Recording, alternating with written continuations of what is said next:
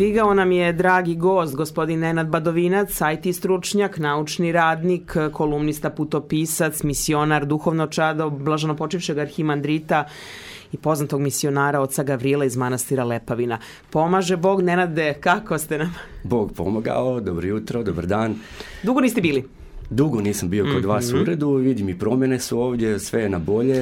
E, samo tako, samo napred. Uh ono što je povod za ovu našu današnju priču jeste e, odluka Patriarha srpskog Porfirija, a zarad potrebe unapređenja misionarske delatnosti, odluka o osnivanju misionarskog odeljenja arhijepiskopije Beogradsko-Karlovačke. Koliko smo razumeli, sastoji se e, misionarsko odeljenje od više odseka, a jedan odsek je za elektronsku misiju i taj odsek je poveren vama. I sad htjeli smo da kažemo i nešto, samo da nas ovako kratko, ako možete, uvedete u opštu priču, dakle da nam kažete koji su odsesi, šta se tu dešava, dakle šta je e, i kakav je značaj ovog odeljenja, a onda da detaljno sve o elektronskoj emisiji o kojoj mi pojma nemamo. Trudimo se, imamo neke, neke nagove što je to i ja da vas pozdravim, pomaže Bog, dobrodošli. E, recite nam nešto, nešto uvodno kako je započeo čitav ovaj projekat, kako vi vidite to? Kao prvo, e, moram da te ispravim i ti mhm. isto znaš dobro šta je elektronska mhm. misija. I e, učestvujemo I učestvujete, tako je. E, radio je odavno ima emitovanje preko interneta, znači isto jedna, jedna sfera gdje vaš signal je dostupan širom svijeta, ne samo tamo gdje je frekvencijska dostupnost, znači na okrug Beograda, nego i šire, jel tako? E, u tom, u tom smislu elektronska misija nastavlja svoj put kako se razvijaju nove tehnologije, tako i misija crkve prelazi u te nove sfere. Um, Patriarh Porfirije uh, uh, znači odlučuje da se u tom smislu u elektronskom uh, u elektronskom ovaj, misionaranju pokrene i taj odsjek unutar misionarskog udaljenja čiji je upravnik preziter dr. Oliver Subotić i meni je data e, znači, e, obaveza da kažem, znači dobio sam tu mogućnost da upravljam sa, sa ocikom za elektronsku misiju. E sad, e, naravno ovdje će biti mnogo, može biti mnogo posla, može biti velika mogućnost iskorištavanja novih tehnologija, ali sve u smislu da se reč Božja, da se misionarenje koje sam eto započeo uz eh, mog eh, sad blažno počešeg oca Gavrila, duhovnika, nekako da se prevede i ove nove tehnologije koje dolaze. Znači, sad da ne širim priču ono toliko daleko, ali znamo da je otac Gavrilo eh, kako su došle nove tehnologije pojavom interneta još 2000. godine, čak i 99. kad smo radili na novom sajtu, prepoznao tu mogućnost da će internet biti e, sredstvo I novih... I tada vas e, zadužio za radijsko, u stvari, emitovanje, odnosno preko interneta. I otac Gavrilo je to jako uspešno radio. Sećamo se tih e, njegovih misionarskih... Pa to su večeri kada je on i čitao uh, svetotačku literaturu i tako. I to je bilo prilično slušano i kako bih rekla, znači, kako vi gledate sada na tu misiju?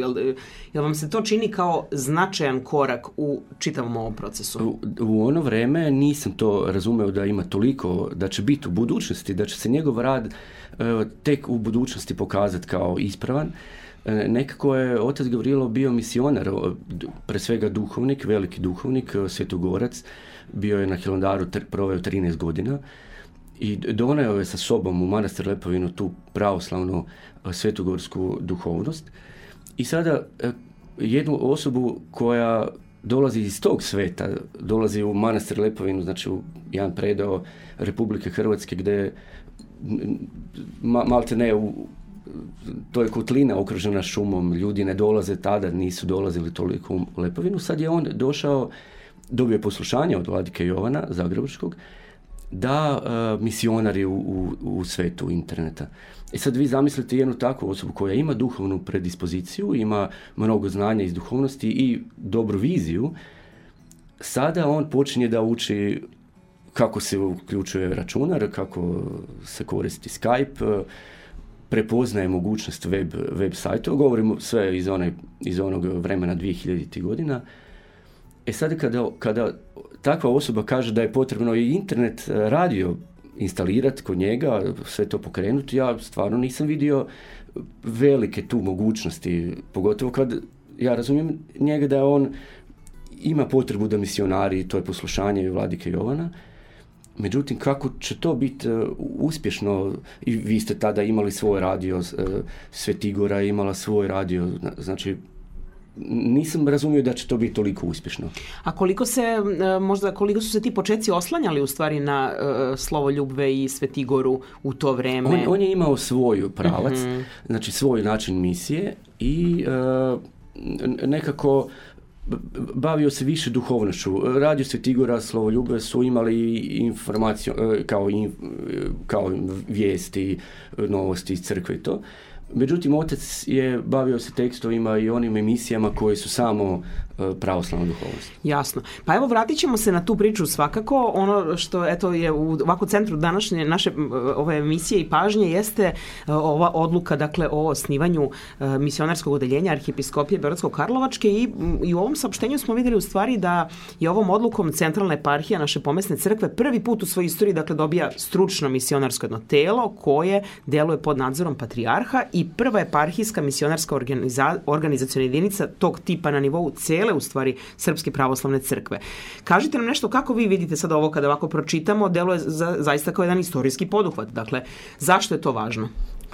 Mislim da i ostale, ne da mislim, nego i znam da i ostale e, pomisne pravoslavne crkve, kao što je Ruska pravoslavna crkva, imaju svoje misionarske odjeljenja i smatram da e, i mi možemo krenuti u tom, u tom pravcu. E, tehnologije, kad govorim iz svoje perspektive elektronske misije, tehnologije su dostupne svima. Znači kako i u Ruskoj pravoslavnoj crkvi, Grčkoj, tako i nama. Sad, na nama je da iskoristimo u pravom, u pravom e, smislu. Patriarh Porfirije je prepoznao tu mogućnost i potrebu da se tehnologije uh, iskorištavaju na pravi način. E, nekako je meni povjereno to, to ajmo da kažem, možda istraživanje za sada. Mhm. Prepostavljam da će tu biti jako puno posla, ali u smislu istraživanja, prvi korak je naravno istraživanje. E sad, e, šta, se, šta se konkretno, šta je, kak, koji je prvi korak e, u, tom istraživanju? E, da li kak, neka demografska istraživanja, ver, verujem, ko koristi društvene mreže, kako, u kom intenzitetu, jel, jel idem u dobrom pravcu? Da, da, sad i ja sam se nekako zatekao i sam razmišljam svakodnevno kako bi napravio plan svog, da kažem, tog istraživanja. E, nije jednostavno zato što e, danas su tehnologije svima dostupne i sad potrebno je nekako prvo razbiti predrasude kod vjernika da ih koriste što je više moguće na pravi način.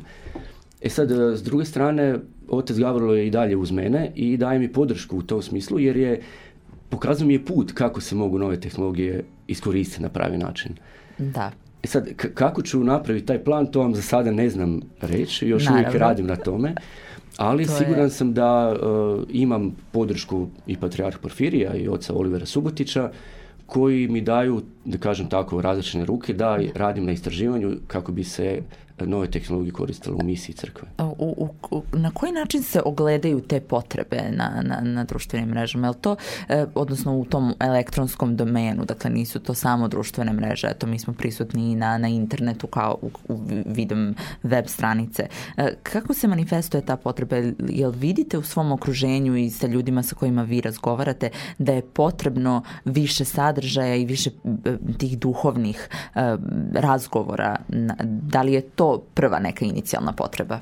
Da, jasno je da je potrebno naravno da je potrebno sve više, ali i u nekakvom organizanijovim smislu. E, nekako postoji danas e, dosta misionara koji su krenuli tim putem od Gavrila da koriste društvene mreže. Međutim, e, vrlo lako skrenut sa tog puta oca Gavrila, kako da kažem, tu su velike iskušenja, bar što sam primijetio u radu sa Ocem Gavrilom imao je velika iskušenja u radu na internet misiji. Mislim da svi misionari moraju voditi brigu o tim iskušenjima jer je internet danas ono svega tamo ima. Svi smo svjesni da je ono i dobro i loše naravno, ali svi koristimo.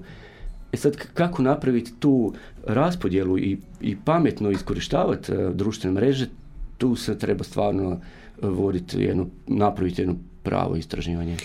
E, da li e, smo, da kažemo, na vreme započeli u odnosu na sveukupno istorijske prilike i, i trenutak u kojem se nalazimo? Dakle, da li e, sve ovo što već postoji, dakle, sve ti gore, da kažemo, prva počela, pa se posle 9 ili 10 godina se pojavio radio Slovo Ljubve, pa osnovane su druge radio stanice u pojedinim eparhijama Srpske crkve i tako, pa onda televizija od 2015. čini se, televizija Hram. Dakle, da li, da li kasnimo mi tu ili, ili mislite da smo možda i u pravu vrijeme kad se moglo i kako se moglo nekako Šta mislite, pomislite na to?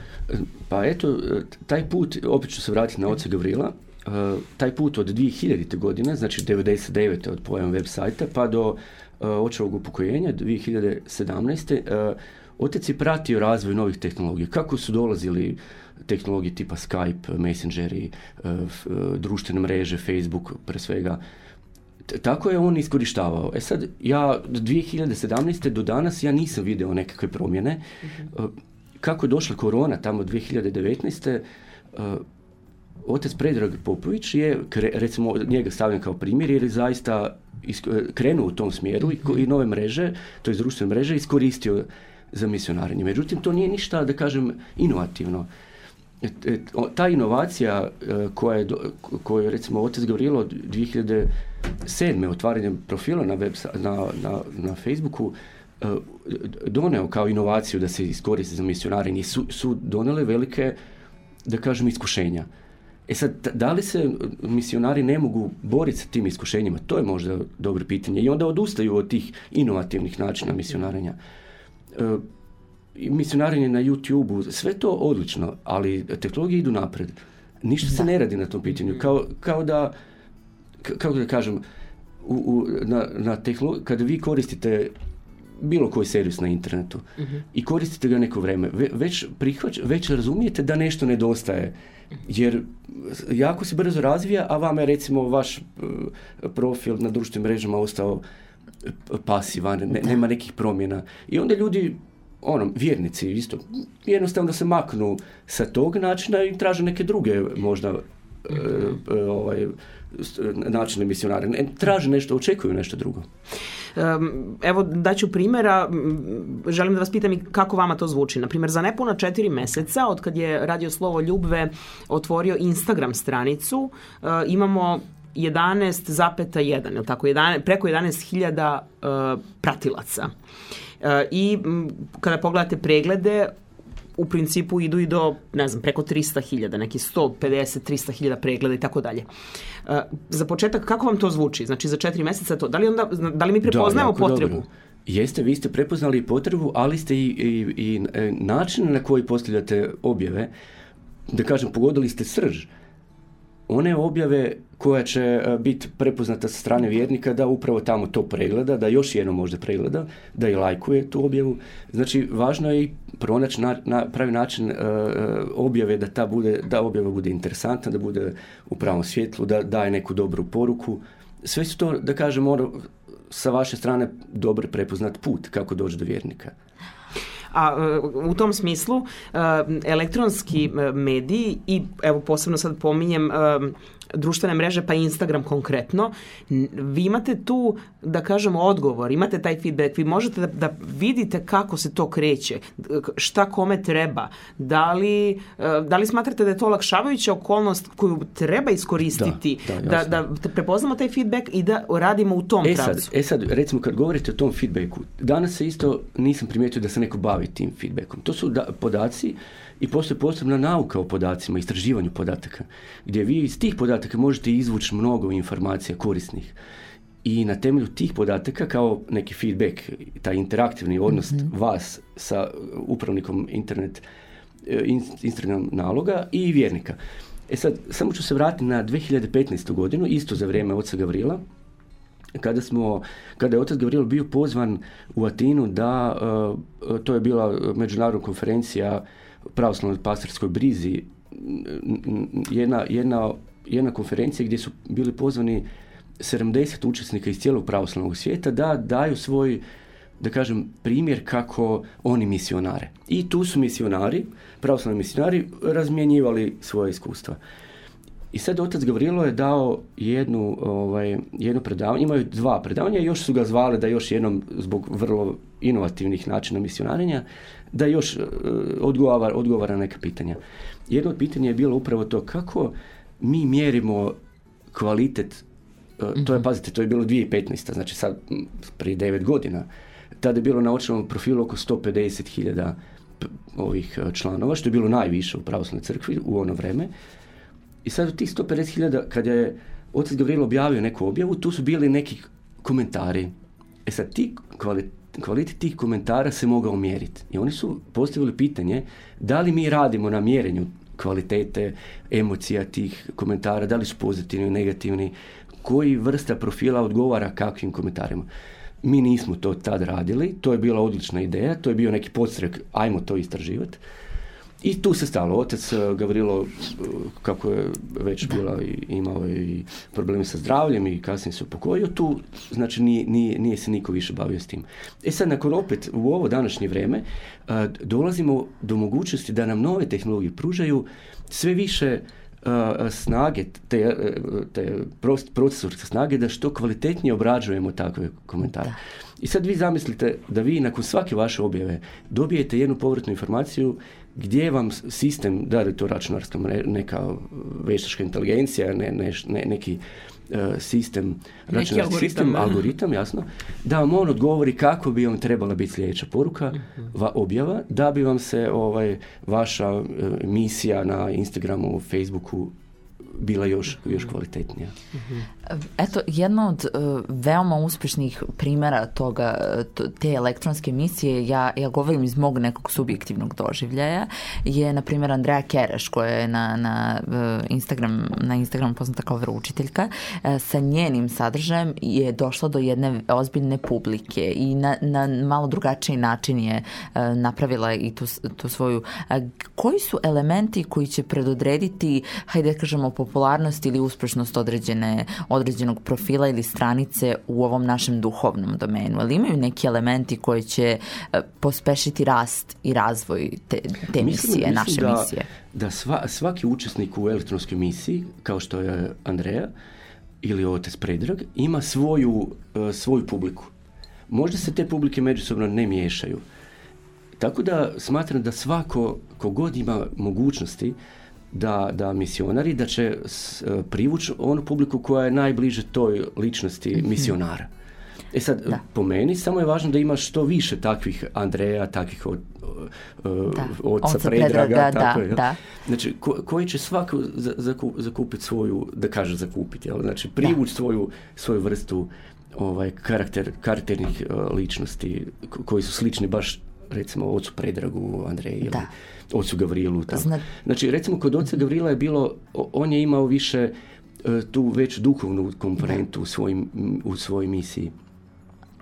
A i bio je pionir neke vrste da, u tom periodu. Da, i, i nekako se okretao mladima. Mhm. E sad, Andreja više, mla, više će mlade privući. A otac Gavrilo je i mlade i ove, da kažem, koji su ozbiljni, uh, e, koji traže veću duhovnu svetogorsku da. Ovaj, u tom smislu. Jel? Pa eto, znači... smatram samo da svaka, svaka osoba da se pokuša u tom svijetu. To ništa, naravno, neko što vremena. To jedno traži da. vreme. I možda te predrasude da, da skinemo iz naše prošlosti, jel? gdje ćemo se bojati savremene tehnologije. Mhm. Mislim da to nema smisla. Znači, ta neka kategorija autentičnosti, verovatno. E, Pojena. Kako ste vi da, reagovali, e, kako je vaš, e, vaše mišljenje bilo ili vaš utisak u tome kada se Patrijar Srpski je pridružio na, na Instagramu i uopšte na Facebooku? To je bilo sad već tri godine ima. Da, svakako došao je u, svijet e, internet misije. To je, to je da kažem toliko e, inovativno, jeste da su to mreže već e, stare mreže, znači tu vjerujem da će doći do nekih promjena u skoroj budućnosti, ali osavremenio je našu pravoslavnu crkvu, doveo, ih, doveo je u neku sferu sličnosti sa svim mladima koji su danas 80% svog vremena, slobodnog vremena provode na Instagramu. Mhm. Znači da je otvorio jedna nova vrata i približio crkvu mladima, što je veliki uspjeh. I potreban mm uspjeh. E sad možda, ne znam kako će ovo zvučati, ali na primjer da, da ste vi administrator sad ovih pomenutih stranica, dakle i Patriarhove, i Slova Ljubve i tako dalje, šta biste možda nam posavetovali da da uradimo što možda nismo ili da, obratimo pažnju na nešto što bi možda da e, unapredimo ili... možda ste radili to e, smatram da je jako važno e, anketirati vaše ljude posjetiti posjetioce vaših web stranica raditi nekakve analize interaktivno s njima komunicirati vidio sam na vašoj web stranici savremena je u tom smislu Međutim, mislim da bi vam da bi pomoglo veća konekcija u tom smislu sa, sa posjetiocima web stranice. Mhm. Danas su ankete vrlo, postoje servisi na internet koji su jeftini i koji rade takve vrste anketiranja. Mm -hmm. Neku povrtnu informaciju, članstvo recimo na vašoj web stranici.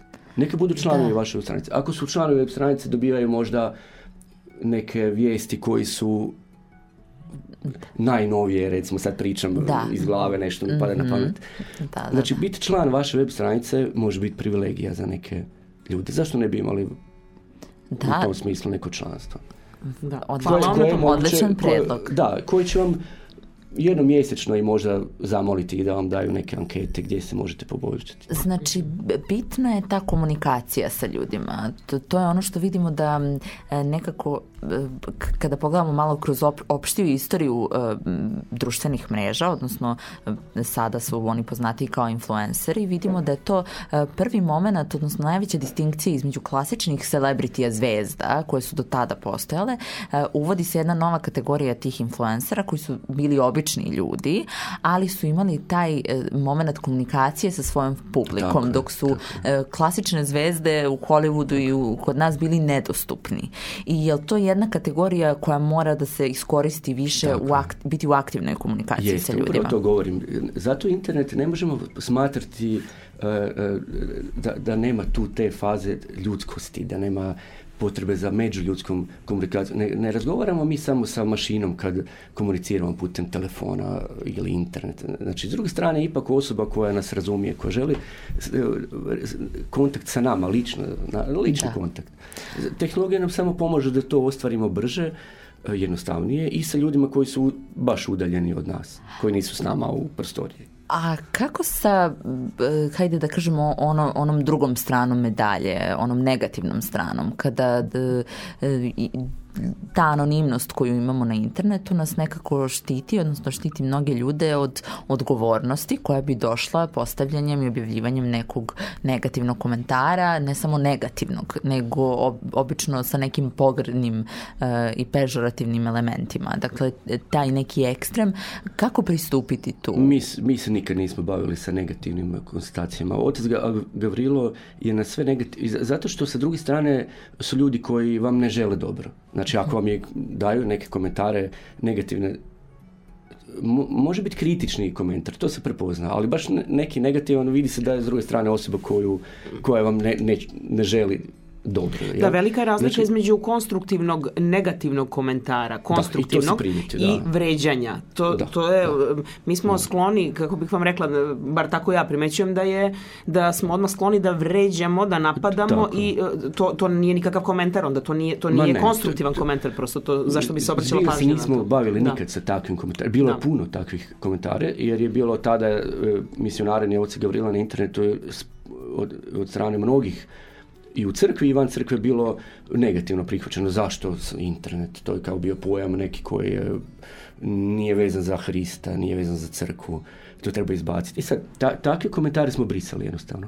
Otec Gavrilo je morao prolaziti kroz sve to i čitati sve te komentare, ali smo ih, znači, emotivno je njega sigurno to dotaklo, ali smo, nismo se mm. bavili s njima.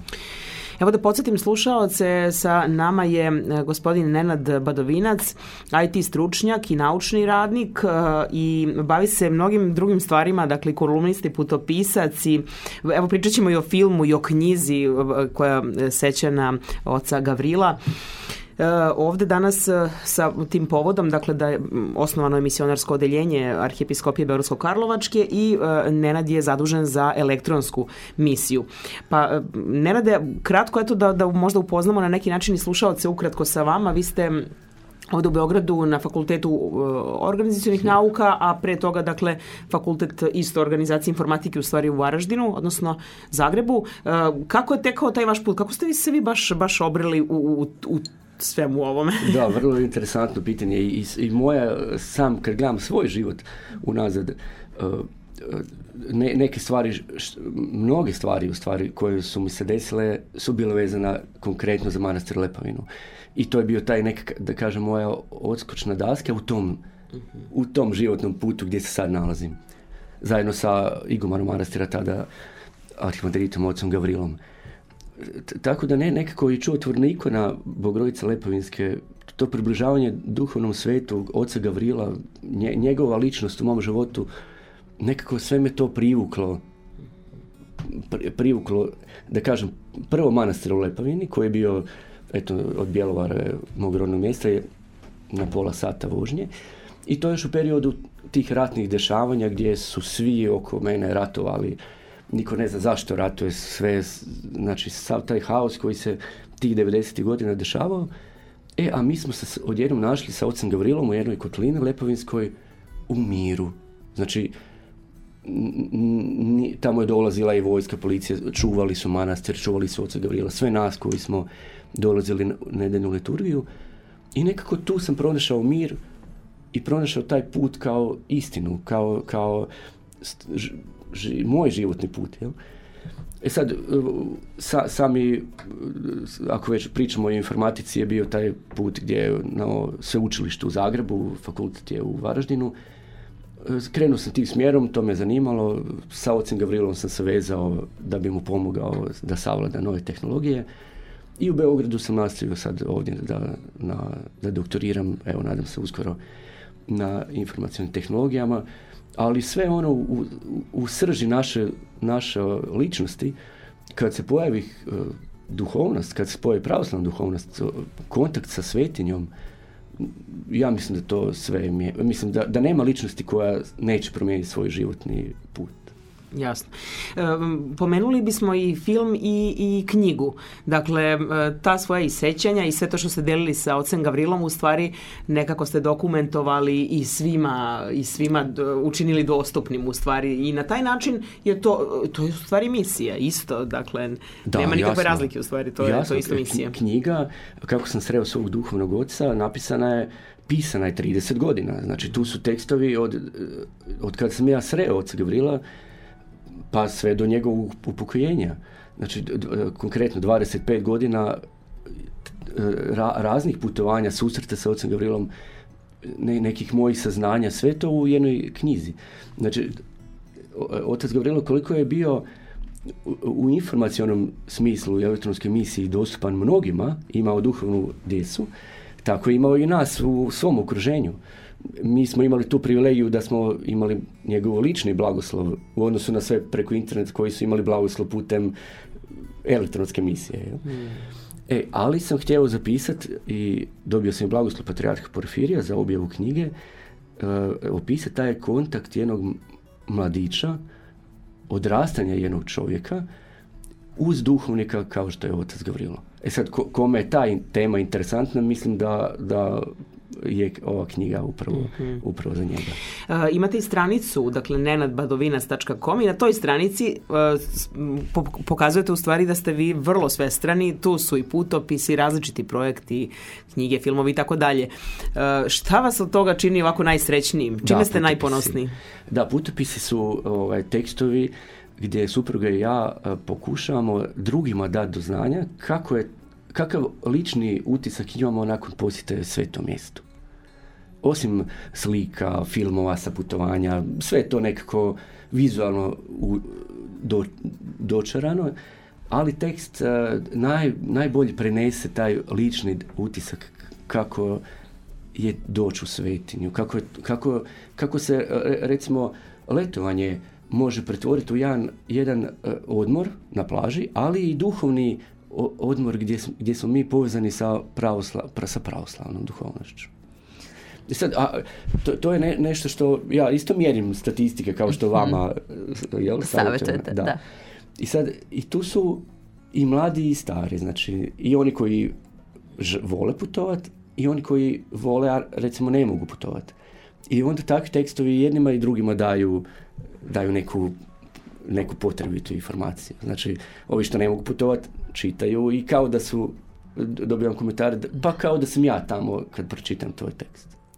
Jel imate neki, neko putovanje eto, da, da, da možete da kažete da vam je bio promenilo ne, neke vaše poglede ili nešto što vam je posebno onako ostalo u, eto kao preporuku za, za, za vaš sajt malo da, da, da, vidimo šta, šta vi mislite da bi bilo lepo da naši slušalci eto prvo na šta bi trebalo da obrate pažnju. Pa Sveta Gora je bilo moj da kažem prvo putopisno istraživanje. Tu sam, to je bilo 2011. i 2013. godine i na temelju tog putovanja sam napravio jedan dokumentarni film. To je skroz amaterski još u ono vreme, snimao sam s nekom akcionom kamerom koja nije imala tu mogućnost ovaj, da baš predoči tačno šta, šta je sa druge strane, ovaj, šta sam želio snimiti.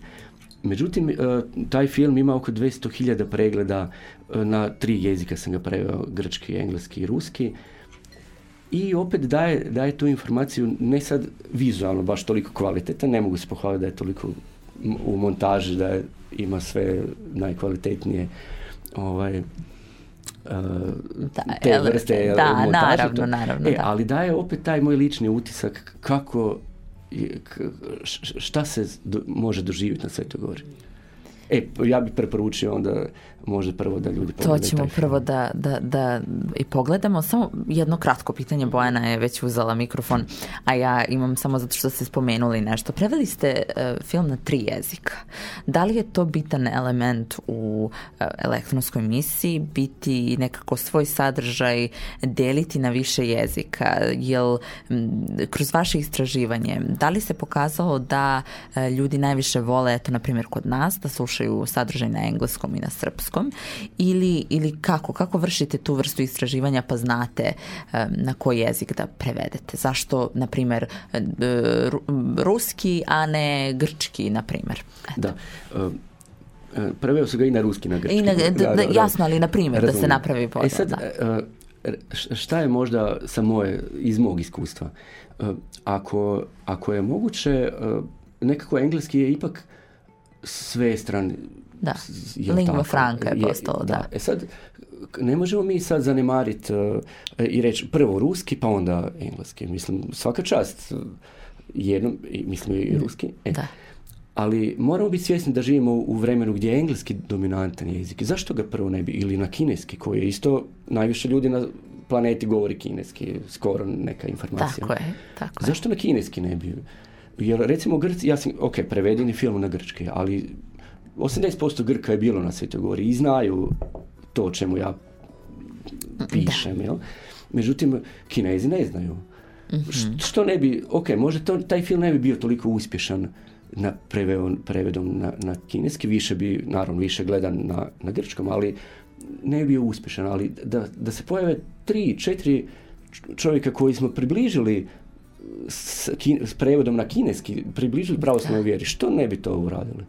Da. neko bi nam se smije, ok, pa dobro, ali ja tražim i u elektronskoj misiji, tra, tražimo one, one ljude koji nisu članovi crkve da prepoznaju. Ja sam prepoznao kad sam došao u Lepovinu šta je pravoslavlje. Mhm.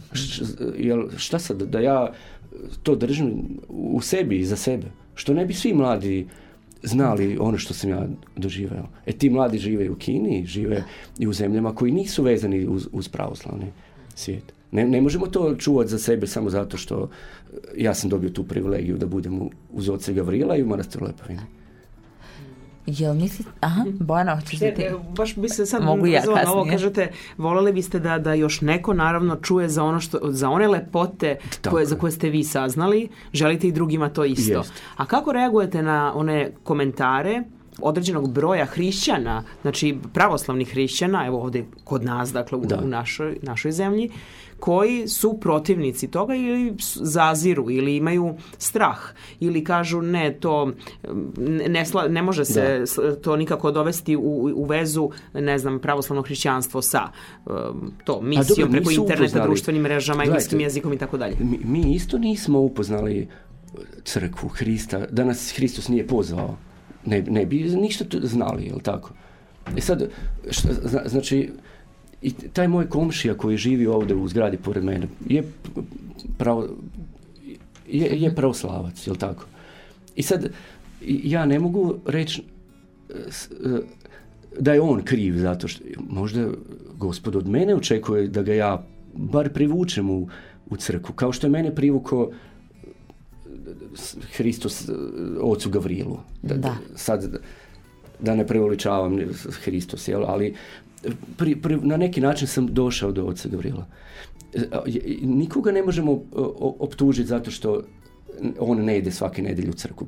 Prije sebe bi ja pogledao šta ja mogu napraviti da njega privučem u, crku. Da li će to biti neki novi tekst, da, li će to biti neka web stranica, možda neka pjesma, ono gdje ću ja iskazati duhovnost da bi privukao nekog. Mhm. Jer, jer svaki čovjek ima, ima svoju slobodu. Ali, i sad, da li baš Hristos mora svakom pokucati na vrata, a da bi priukao baš svakog, ili je ipak od nas očekuje koje smo dobili to besplatno, da mi uradimo neki deo tog posla. E sad, ta, ta misija crkve upravo je, do, ovo je dobro pitanje vezano za misiju crkve u elektronskom u elektronskom e, obliku. Da, do, domenom. E, nekako, meni su društvene mreže, kada sam ja razmišljala o tome kako bi to, koja je svrha tih baš društvenih mreža, znači ne, ne govorimo o nekim tribinama dužeg, e, duhovnog, e, komplikovanijeg sadržaja. E, pričamo o, nekim kratkim poukama koje su jasne i, duše korisne zaista.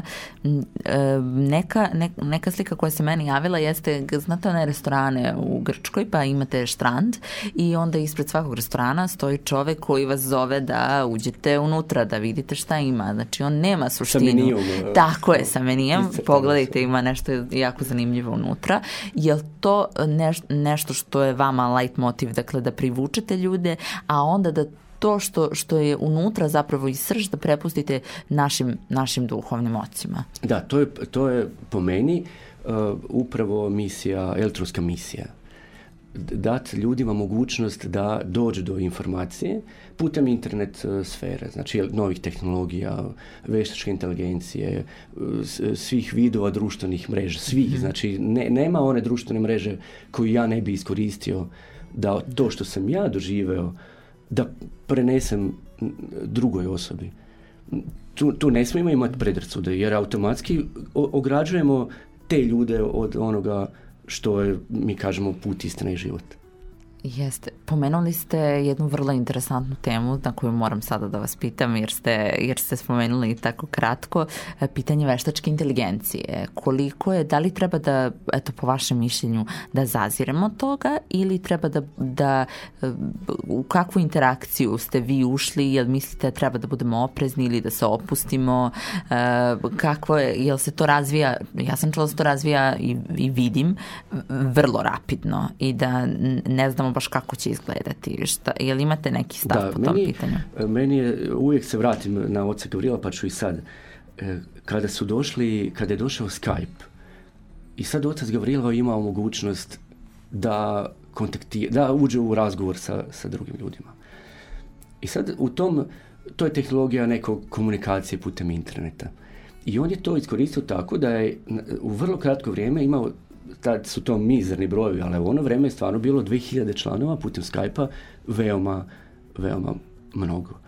E, on je sebe opteretio na taj način putem Skype-a da nije jednostavno 24 sata je morao biti dostupan u razgovorima jer su tih 2000 ljudi, neki ljudi bili u nekim drugim vremenskim zonama i htjeli razgovarati o vjeri sa ocom Gavrilom.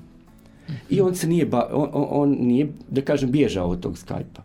E sad pogledajte vi ljudi koji bježe od vještačke inteligencije. Zašto bježe?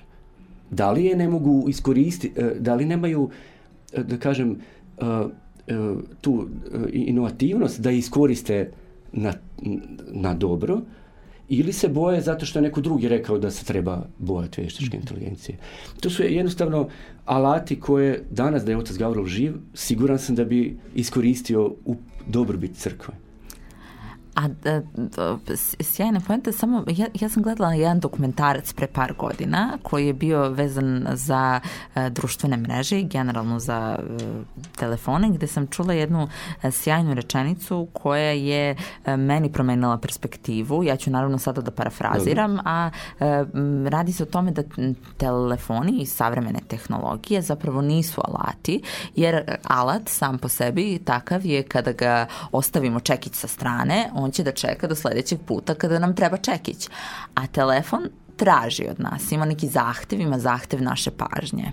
E, da li mislite da je, e, da treba, iako smo svi aktivno na društvenim mrežama, da imamo neku meru u tome jel, jel mislite da, da, da treba svakako iskoristiti ali da nam prioritet u životu treba biti e, liturgija crkva zajednica a da su društvene mreže nešto usputno što je jedan benefit savremenog društva tako je nove tehnologije će sve više pokušavati da nam uzmu sve više pažnje da nam uzmu e, našu privatnost jel tako? Da. A sami tim mi ćemo možda e, manje voditi brigu da odemo stvarno lično nedeljom da se nađemo u crkvi na svetu liturgiji. I sad, gdje, e, mogu biti te granice? Mislim da, da čovjek sam treba biti svjestan da, da nekako nove tehnologije postaju njegov dio života, da ne odvoji, mhm. da se ne treba bojati toga, jer nekako sve to do nas opet, gdje ću staviti taj telefon. Ali da, da kad već koristimo e, novu tehnologiju, koristimo telefon svakodnevno, da nekako, e, da budemo u tom smislu bar obazrivi, da koristim ga, na pra, da, da koristim prave na pravi način. Da nam barem algoritam bude sa nekim pozitivnim, e, pozitivnim sadržajem. Da, jer tu sigurno privatnost, da kažem, više ni ne postoji u današnjem svijetu. Mhm. Mislim da nema smisla tražiti privatnost od telefona. Ne, ne može, danas šta god da pričate, kad vam je maltene telefon ugašen u nekom screen save modu, on opet nekako skuplja informacije iz okoline. I, i to ide sve u tom nekom smjeru. I sad mi mhm. to ne možemo, ne možemo to zaustaviti. Da. Ali ne možemo ni, ni bježati od tog telefona nego ga možemo iskoristiti na dobro. Znači idemo da, da vidim gdje će mi, gdje koristiti ta nova tehnologija. E sad, crkva e, ima dve, dvoje koji nekakav smjer. Jedan smjer je da treba ugasiti taj telefon, a druga, drugi, da, kažem, drugi smjer je da ga treba iskoristiti na dobro. Znači da bude u misiji crkve. E, ta nekako granica jednog i drugog e, opet ako prepustimo samoj osobi, možda postoje ljudi koji su labilni pa će se prepustiti tim savremenim tehnologijama. E sad, da li crkva može tu nekako uticati, pomoć ljudima? Siguran sam da može. Da li će to biti neka edukacija, e, da li će to biti opet neki algoritmi, jer i ti algoritmi, ako ih pravilno e, kreiramo, će raditi u korist e, čovjeka. E sad, kad, kad crkva kaže pogledajte šta radi vještačka inteligencija, uništava, jel? Pa neka idemo, idemo onda napraviti da crkva napravi nešto što ne uništava. Znači, da, da bude, da kaže neka protuteža tome. Ne, ne da zabranjuje korištenje novih tehnologija nego da ih iskorištava za svoj, u svoj korist. Kao što znamo da, da sekte danas koriste, evo, ima veoma, pronašao sam ovaj, vrlo korisne da kažem, algoritme koje sekte koriste u svojoj promovisanju. Što sad, eh, oni ne bježe od novih tehnologija, oni ih koriste za, za svoje koristi neke, jel? Privreda, eh, izvini samo još jedan je, privreda, preduzeća, kompanije velike, kako sad oni koriste nove tehnologije da bi došli do, do sve većeg profita, Jel tako? A da, da, da, crkva ne koristi to u svoje neke, pa to nema, nema smisla. Zato moramo koristiti nove tehnologije u svoje ciljeve. E, ako možemo da se vratimo malo na e, ovo naše glavno pitanje i povod danas, e, osnivanje dakle misionarskog odeljenja arhijepiskopije Beogradsko-Karlovačke, evo kratko da podsjetimo, dakle, pa i to je jedan ovako, jedna simbolika da je na dan E, svetoga Kirila, ravnapostolnog u stvari, e, da kažemo i doneta jel, ta, ta odluka, e, Patrijar Porfir je zarad potrebe unapređenja misije, misionarske delatnosti, doneo u stvari odluku da se osnuje ovo odjeljenje. Sedište će biti u crkvi na Dorčelu, je li tako? Tako je, Aleksandra Nevskog. Poznato da, mesto već decenijama, da, da, tako je. svakako. Upravnik je, dakle, to odeljenja, prezviter dr. Oliver Subotić, nadamo se da će i otac Oliver biti uskoro naš gost. E, Prote Vajo Jović je dakle u odseku za parohijsku misiju. E, Đakon Aleksandar Milojkov e, je Također u ovome odeljenju imenovan je za koordinatora za dijalog u javnoj sferi. I imate još saradnika dakle tu koji, će, koji su važni za dakle apologetska misija Zoran Luković, jel tako? on je pravnik, master religiolog i uh, Nebojša Mišević takođe, sekretar je odeljenja, je. Uh, prevodilac Ljiljana Mutavđić i e, eto da podsjetimo slušalce, dakle naš gost ovoga jutra, gospodin Nenad Badovinac, dakle u oceku za elektronsku misiju. Ako sam nešto propustila, vi dodajte, dakle da, da nešto ne to propustimo. to, pa eto da, da, određena je i slava, dakle upravo praznik Sveti Kirila i Metodija i, I to je simbolika, dakle, da je to sada novo doba. Dakle, nekada su apostoli propovedali na način na koji je to bilo tada moguće, jedino dostupno, danas propovedamo na, i druge Jest. načine. Nismo mi ostavili stare načine, nego smo dodali nove načine u stvari i e, na neki način u stvari se bavimo isto prosvjetiteljstvom, odnosno vi se bavite time, Tako. misijom to je to. Da, sad sutra šta će nam donesti nove e, tehnologije mogućnosti, to Jasne. ne znamo danas. Kažite nam malo za, za te prve sastanke, kako je to sad izgledalo, dakle ta odluka, pa sastanak i tako dalje, o čemu ste razgovarali, kako sada kreću prvi ti koraci, pa, vi ste rekli da ćete se baviti istraživanjem, ali šta se konkretno sad dešava u narednom periodu? E sad, uh, e, otec Oliver će to uh, izorganizirati onako kako treba, na meni je da, se bavi, da napravim plan svojih aktivnosti, i vjerujem vrlo brzo da ćemo napraviti te prve sastanke u tom smislu. Uh, ali uglavnom, evo, svako ima svoje zaduženje, uh, mislim da je takva u tom smjeru kad, kad se ovaj, krene sa odjeljenjem, da će vrlo brzo biti sve sve doći na svoje mjesto i da ćemo se baviti svaki svojom svojim da ćemo imati da. saradnju, odnosno sa crkvenim medijima, radijom, televizijom i tako dalje, imat imate saradnju, odnosno bit će to jedan, da kažemo, za, zajednički, zajednički rad. Tako pa sve u smislu da sve, da, da napravimo sve veće ovaj, zadovoljstvo vjernika, sve više da budemo u, tom, u toj sferi, da se približimo eh, vjernicima, vašim slušalcima i da od Ovo je, dakle, vrlo i, lepo nazvano odjeljenje, dakle, misionarsko odjeljenje. Šta je, eto, bližimo se i kraju našeg jutarnjeg programa, pa eto da vas pitam, šta je za vas e, ta misija i kako vi želite da, eto, vašu veru i vaše iskustva da prenesete, evo, svojim radom, koji su vaši ciljevi? Da. E, da, od, e, znači ciljevi i upravo ono što sam rekao. Sve ono što sam kao dijete, mladić sa 13 godina, 14, znači u tom periodu dolaska u Manastir Lepavine, doživeo tu ljepotu duhovnosti koja, da kažem, u onom periodu kad, kad stasamo u, u čovjeka, sve to što sam doživio, a što je, da kažem, mene promijenilo u tom smislu i, i ono što sam doživio uz oca Gavrila, što sam pisao u knjizi i putem svojih putopisa, želim nekako mladima, želim da i oni to dožive, želim to iskustvo podijeliti, da, da nekako to neko saznanje da je da postoji nebeski nebeski svijet, da postoji nešto što nas vodi puno jače, veće od nas, da, da svi to doživimo, eto. Da, da li je to moguće ili nije, možda je stvarno moguće. Mhm. Ako je moguće, ja ću se truditi da, da to svoje iskustvo prenesem svima koji u svom životu kojima ću moći da prenesem, to je, to je moj cilj i u ovoj elektronskoj emisiji, u ovom udjeljenju. Jel mislite, vi ste i krenuli pre samog, samog ovog formiranja ovog odeljenja, napisali ste knjigu, imate nekoliko filmova, dakle bavite se misijom pravoslavnom već e, jako dugo. E, kakvo je, kakav je vaš put bio? Jel ste, imali neke susrete sa ljudima koji su vam e, rekli da nakon čitavanja knjige da su se eto, i moja želja je sada da se upoznam sa ocem Gavrilom kroz vašu knjigu. Da li, da li ste imali neke susrete sa ljudima i šta vam oni kažu na, na ta neka vaša iskustva?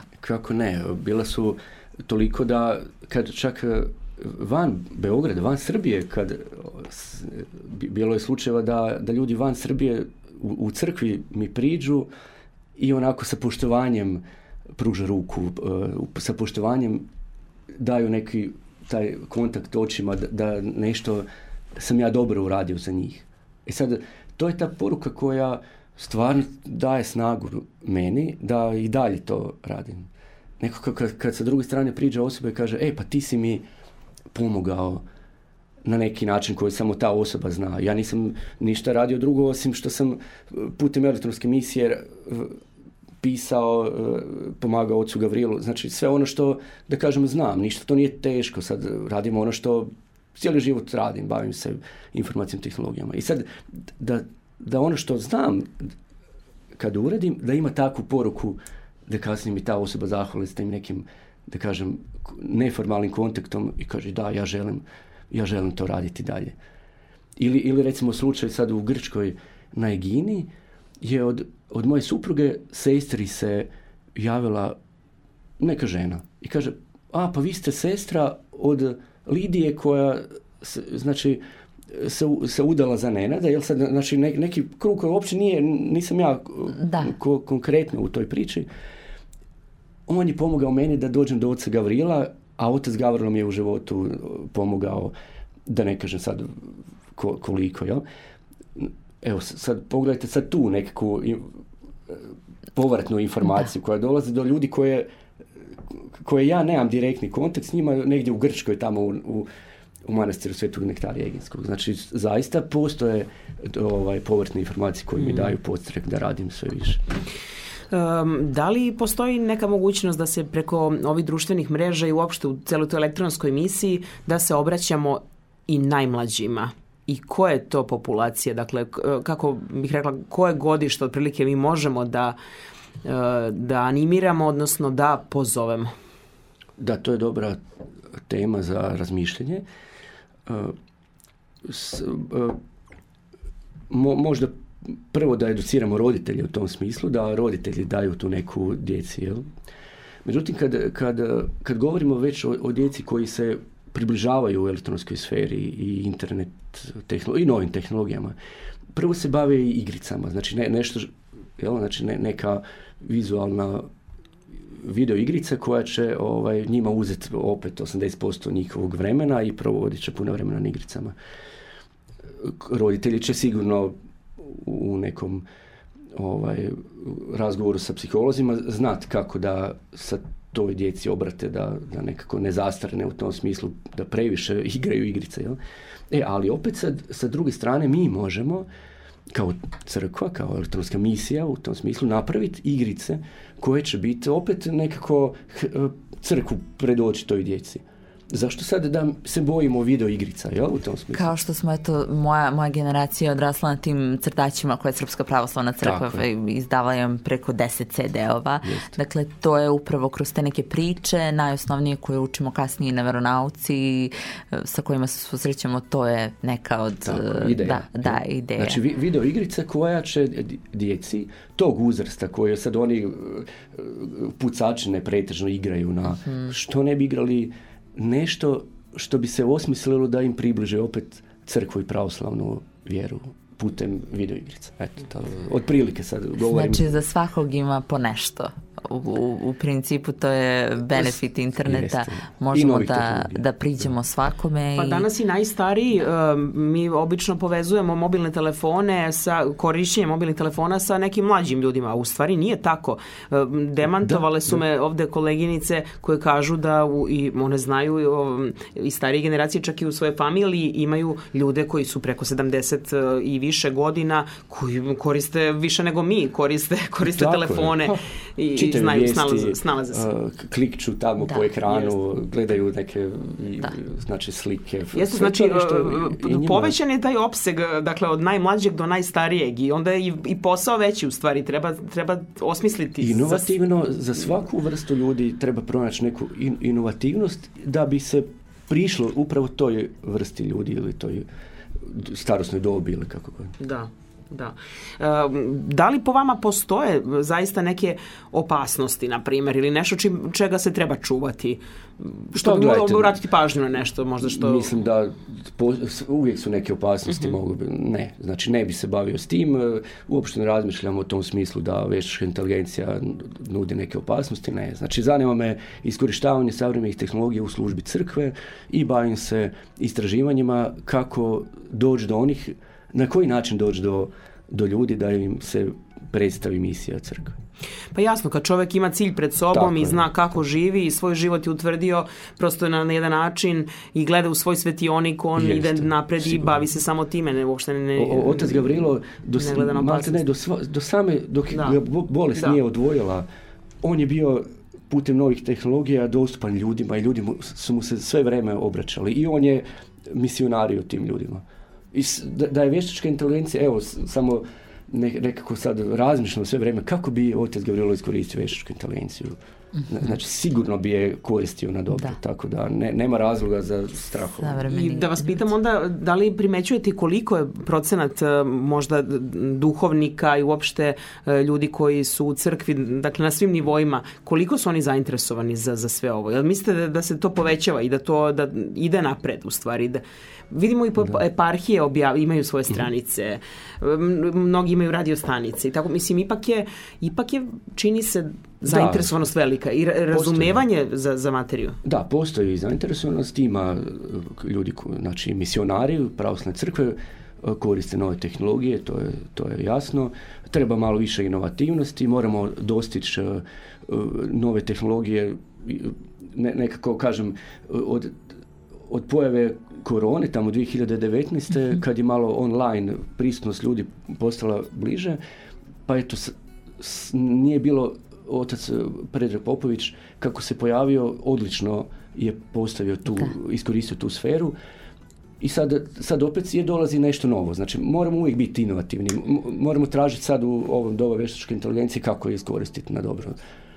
Tako da ima, ima Ima tu mogućnosti. materijala i eto, mi definitivno verujemo u ovaj projekat i nekako se trudimo da svi zajedno. Da, svi vjerujemo. Hvala Patriarhu, prepoznao je i zaista ovaj, treba mu zahvaliti na, na tome vidjet ćemo kako će biti, ali svi ćemo se truditi da to iz ocijeka koje ste naveli, da damo što veći doprinos. Da će Bog. Želimo vam svaki da. uspjeh u tome, svima Na, tom putu, svima koji se bave ovom važnom, važnom I eh, jedva čekamo za godinu dana da ili možda manje, da se pričamo da napravimo neku ozbiljnu rekapitulaciju, dakle da vidimo mm. kako je, kako je eh, stanje i jedva čekam da čujem eh, rezultate i eto, hvala vam, hvala vam puno na, na gostovanju. E, hvala vama na pozivu. E, poštovani slušalci, eto sa nama je ovoga jutra bio e, gospodin Nenad Badovinac, dakle IT stručnjak, a povod je upravo e, osnovano misionarsko odeljenje Arhipiskopije Beogradsko-Karlovačke po odluci Patriarha Srpskog Porfirija.